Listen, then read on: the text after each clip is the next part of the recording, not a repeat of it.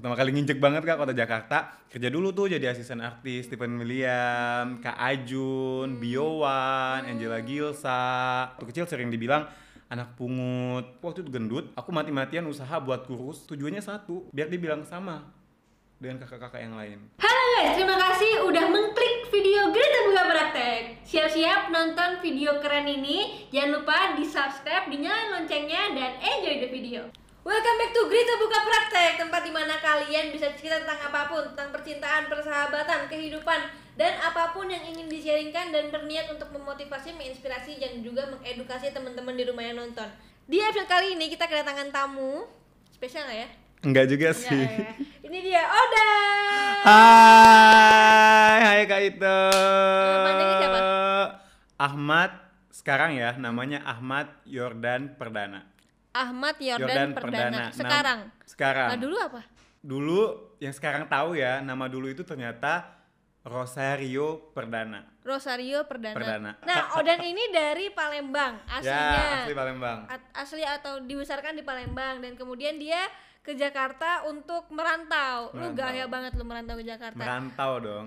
Sendiri ke Jakarta. Sendiri meniti karir. Apa yang membuat lu ingin sekali ke Jakarta dan memberanikan diri untuk ke Jakarta padahal tidak ada keluarga sama sekali di sini ya?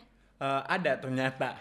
Oh, ada. Ada Sejak umur ternyata. berapa di sini? Eh, ke Jakarta itu sejak Januari 2018 Kak. Berarti baru 2 tahun ya. Baru 2 tahun. Oke, apa yang membuat Odan ingin sekali ke Jakarta dan memberanikan diri untuk akhirnya pergi ke Jakarta?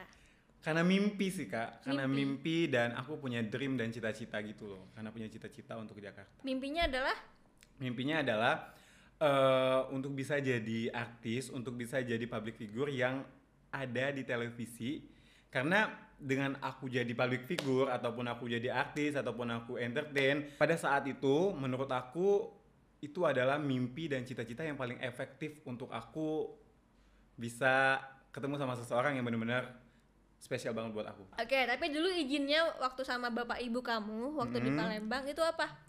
Uh, nggak diizinin banget kak, karena jujur ya sampai detik sekarang pun uh, Oden di Palembang 9 bersaudara, Oden itu di Palembang di daerah Kertapati, Kertapati itu daerah Texas, tau nggak daerah yang serem?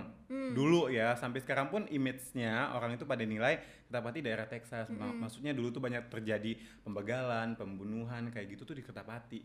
Dan dan sekarang sih udah jauh lebih baik daripada dulu. Eh, jujur keluarga Odan eh, ayah, ibu dan semuanya itu belum ada yang ke Jakarta sampai sekarang. Detik sekarang tuh belum ada yang ke Jakarta dan belum ada yang naik pesawat sama sekali.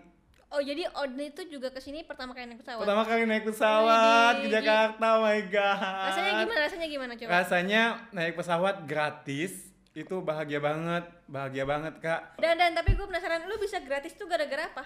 Gara-gara aku ketemu sama saudara aku ternyata yang ada di Jakarta juga. Waktu di Palembang dia ngadain event pencarian bakat dan aku salah satu peserta di event pencarian bakat itu. Mas Agung. Mas Agung bentuk Itu saudara manajemen. kamu? Ternyata itu saudara Odan dari keluarga bapak. Kok tahu akhirnya saudara? Karena pada saat Odan ikut lomba, saudara Odan yang di Palembang juga datang nemuin Mas Agung dan bilang sama Mas Agung, Odan ini saudara kita loh, saudara jauh kita. Sampai akhirnya Odan nggak nggak diikutin jadi peserta, jadinya Mas Agung minta bantu Odan untuk jadi kru bantuin dia, tapi Odan keliling 10 kota. Wah, Wah, akhirnya cita-citaku tuh cuma pengen ke Jakarta, naik pesawat ke Jakarta. Perjuangan selama ini nunggu kak, pengen naik pesawat. Ya Tuhan langsung kabulin, langsung ke 10 kota sekaligus naik pesawat. Thank you so much Mas Agung. setelah itu akhirnya Odan kerja di Jakarta di tempatnya Mas, Mas Agung di bentuk manajemen. Dibentuk Sebagai manajemen. apa? Sebagai asisten manajer, bisa dibilang asisten manajer, bisa dibilang asisten artis. Karena 2018 awal itu Odan pertama kali nginjek kota Jakarta. Pertama kali nginjek banget kak kota Jakarta. Kerja dulu tuh jadi asisten artis dengan dengan bermodalkan satu kantong kresek doang datang ke Jakarta bawa baju-baju seadanya gitu kan dulu. Eh, Kerja dulu jadi asisten artis, temen-temenin artis syuting, temen-temenin artis casting, gitu deh temen-temenin syuting. Siapa, siapa aja dulu? Ah, dulu itu Stephen Ka- Stephen William, Kak Ajun, Biowan, Angela Gilsa. kayak Angelica Simpler dan banyak juga artis-artis baru yang lainnya itu kalau dan temenin casting-casting. Eh, cita-citanya memang dari awal tuh jadi artis ya kak, tapi kan eh, makasih banget buat Mas Agung udah eh, ajak Odan ke Jakarta membuka jalan untuk Odan kerja dulu, tahu dulu situasinya gimana, sampai akhirnya eh, waktu waktu awal tuh Odan belum nemu nih ciplakan yang kayak gini, karakter this is myself gitu, belum ketemu karakternya, sekarang tuh udah ketemu dan pada saat itu kebetulan Odan lagi nemenin workshop iklan, direktur ketemu Odan dan dia suruh Odan buat ikutan workshop juga. Terus akhirnya karena Oden kerja kan statusnya jadi nggak bisa main langsung ikut aja. Izin dulu sama Mas Agung akhirnya dibolehin. Dan setelah pengumuman Oden lock. Oh. Brand Tapi- pertama itu. apa dulu? McDonald's. McD. McD itu brand pertama kak. Berarti abis ini lu bakal bawa McD ke sini ya? iya iya iya. Kita itu tapi ya. rambutnya belum kayak gini ya? rambutnya Belum- udah kayak gini. Oh, udah. iklan pertama udah kayak gini tapi belum jadi banget. Berarti iklannya udah banyak banget nih ya? Alhamdulillah banget sekarang bener-bener bersyukur sampai detik ini tuh masih nggak nyangka banget loh kak kalau laku di brand Hmm. kalau bisa jadi bintang iklan oh my god muka kayak gue kok bisa gitu ya jadi Karena brand iklan unik. iya aku baru sadar ternyata aku unik ternyata aku spesial aku Hmm. baru sadar kak Tapi cuman ikan doang, sinetron. eh iklan udah beberapa gitu ya kak Ilham- iklan alhamdulillah. Untuk sinetron udah pernah juga. Itu dimensi waktu itu kesempatan kedua 10 episode. Terus juga pernah juga promo. Pasti kakak pernah kan promo-promo terus nggak tayang. Gak mau gua. nggak mau enak banget. Tapi nggak apa-apa deh aku ngerasain promo beberapa, sinetron tuh kak. Eh, dengan salah satu PH nggak tayang. Terus dis- disuruh standby. Kita udah eh, udah ngerelain pekerjaan lain untuk standby ternyata nggak jadi tayang. Gak mau. Eh, semoga nanti dapat sinetron amin Amin. Film-film. film pernah eh, film satu kali kemarin di 2019 film Sin Oh. sama Falcon itu iya, Odan main itu lagi nemenin syuting lagi nemenin syuting si Jessica Tarore aku disuruh main lima scene sama Mawar Eva jadi stylistnya artis Mawar Eva Nah, berarti kan dari Oden ini kita punya pelajaran bahwa kan semua ada jalannya ya. Dan iya ya. bener banget bener banget Coba Oden kalau misalkan bisa kasih inspirasi ke teman-teman, mau kasih kata-kata apa yang di rumah yang mungkin sekarang lagi pengen jadi artis. iya jadi untuk teman-teman semua di entertain itu emang harus kokohin niat niat kita itu apa mau kita itu apa setelah dapat niatnya kita jalani dengan totalitas terus ikhlas. Terus yang paling penting itu jaga attitude. Jaga attitude dan terus belajar sama siapa pun itu. Maksudnya Odan nggak kebentuk sekarang kalau Odan nggak belajar dan nggak rendah diri untuk terus merubah nih aduh kita itu maunya maunya di mana? Terus juga ya kak yang paling penting ya menurut aku nih untuk pemula kita itu harus mastiin pasarnya kita tuh di mana. Mau cantik cantik sekalian kayak kak itu mau ganteng-ganteng sekalian atau mau unik segala. unik sekalian ya jadi memang harus kita eh, jelasin dari awal karakter kita tuh mau dibawa ke mana Nah, kalau misalkan eh, karakter branding lu sendiri nih, itu dari mana sih? Tuh kalau ditanya karakter branding lo sendiri itu dari mana? Dari imajinasi aku sendiri. Dari imajinasi aku sendiri. Maksudnya nggak ada satu tokoh yang aku contoh untuk aku mau kayak dia. Enggak, tapi kayaknya aku lihat aku lihat semua orang dan aku lihat apa ya yang bagus untuk aku sendiri dan apa yang buat aku itu nyaman dengan aku sendiri sehingga orang lain itu lihatnya enak juga. Oh, jadi yang Gitu. penting makanya kalau orang tanya tentang stylist aku juga aku selalu jawab yang penting kita yang nyaman karena bisa bikin orang lain juga nyaman. Iya, bener banget. Pinter Kayak banget gitu, ya. Kak. Jadi tadi kan Oden bilang nih, Oden katanya eh, mimpi dan cita-citanya adalah bertemu dengan orang yang spesial. Spesial. Siapakah orang spesial itu Oden? My mother, ibu kandung Oden. Ibu kandung Oden. Iya. Berarti selama ini yang yang sama Oden itu bukan ibu kandung. Bukan, itu ibu angkat Sembilan bersaudara. sembilan bersaudara. Semuanya diangkat. Cuma Odan sendiri. Cuma Oden sendiri. Sisanya anak kandung dia semua. Sisanya semua anak kandung dari Mama Yanti semua. Aku nggak tahu ya, dia bener-bener perempuan yang luar biasa loh. Pada saat itu dia masih hamil adik aku yang nomor 9, dia tetap ambil aku dari ibu aku. Jadi ibu kandung aku itu orang yang nggak dikenal, dateng, terus kasihin aku ke Ibu Yanti. Ibu Yanti, Ibu Yanti yang di Palembang ambil aku. Dari kecil memang sudah tahu kalau Oden itu bukan anak kandung.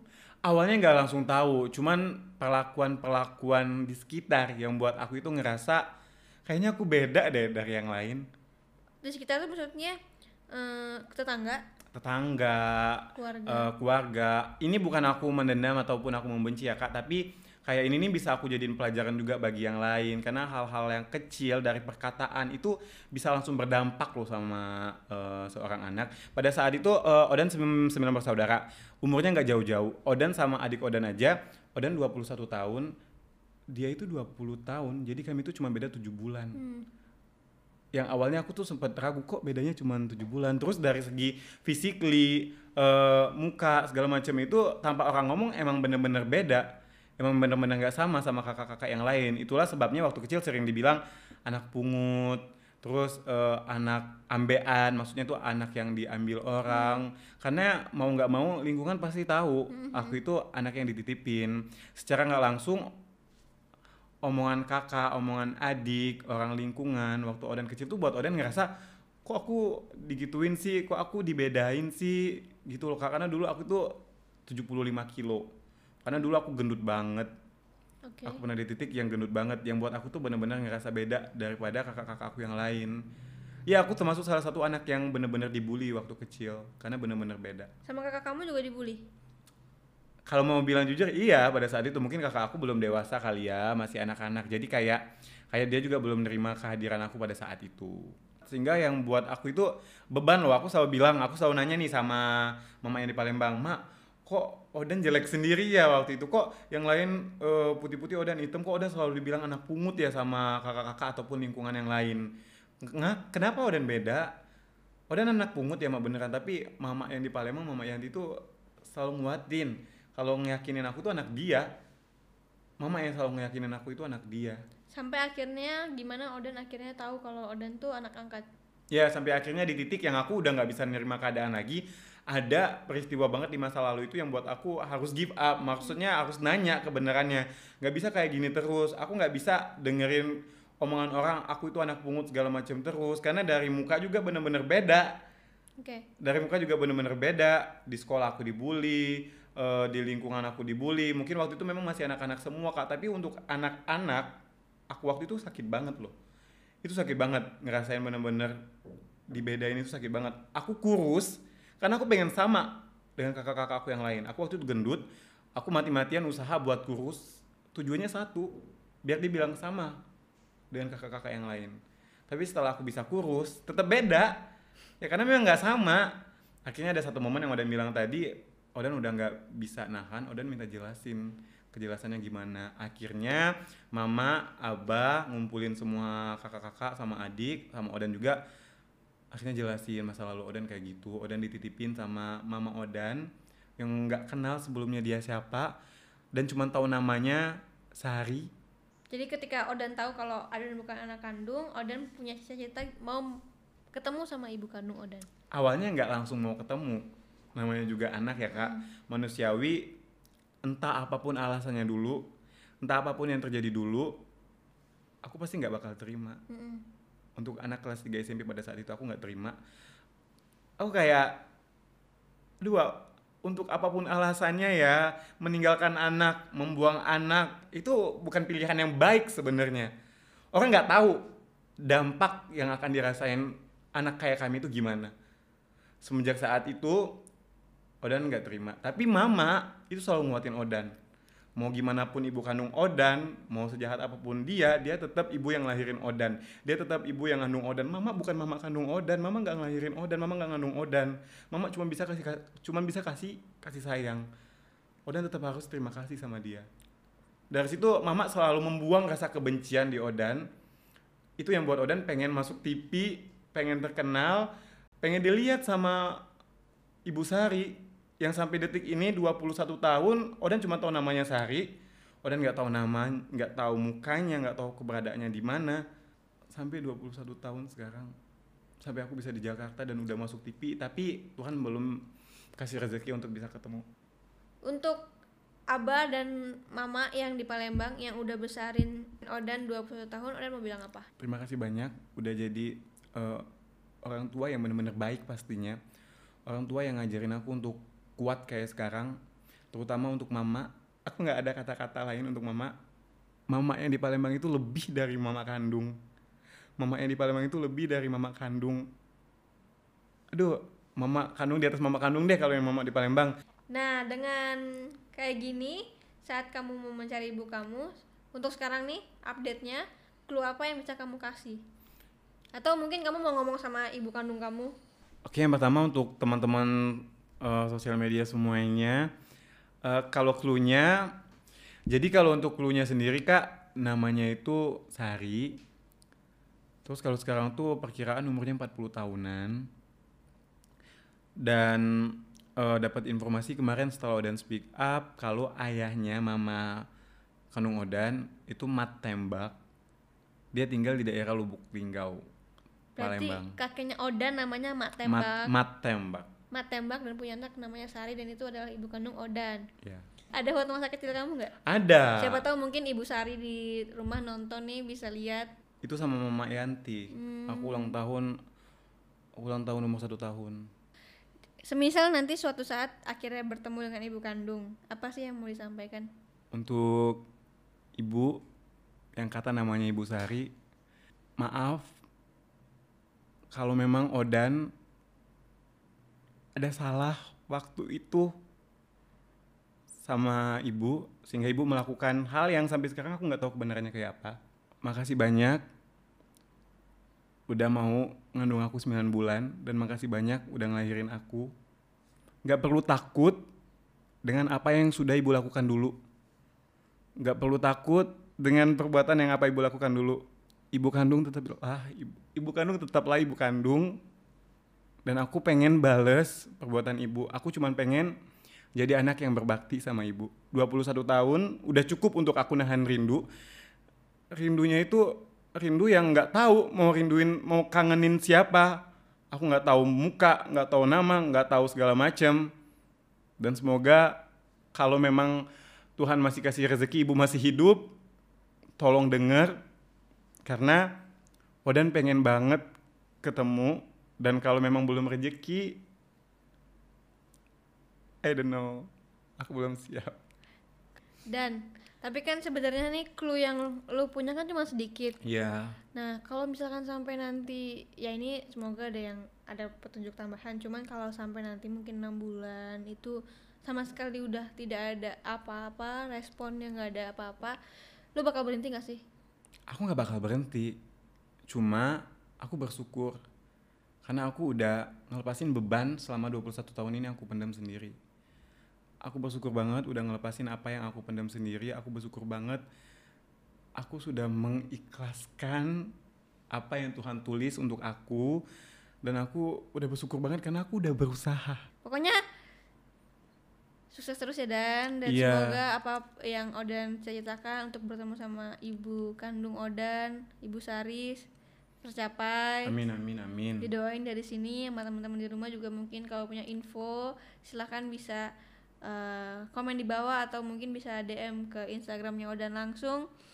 Nah teman-teman di rumah eh, semoga ceritanya Odan tadi menginspirasi memotivasi kalian. Juga mungkin kalau misalkan kalian ada di posisi Odan punya teman juga ya yang sebenarnya kalian nggak sendiri. Ya udah eh, terima kasih nonton video ini. Jangan lupa kalau kalian punya cerita yang menarik dan ingin di sharingkan silahkan email cerita detailnya beserta nama nomor telepon dan juga domisili di mana ke email buka praktek at Eh, dan juga ketika kalian mengirim email kalian bersedia untuk datang ke sini. Terima kasih sampai ketemu di video berikutnya Gimana videonya? Seru kan? Makanya jangan lupa nonton video lainnya di sini.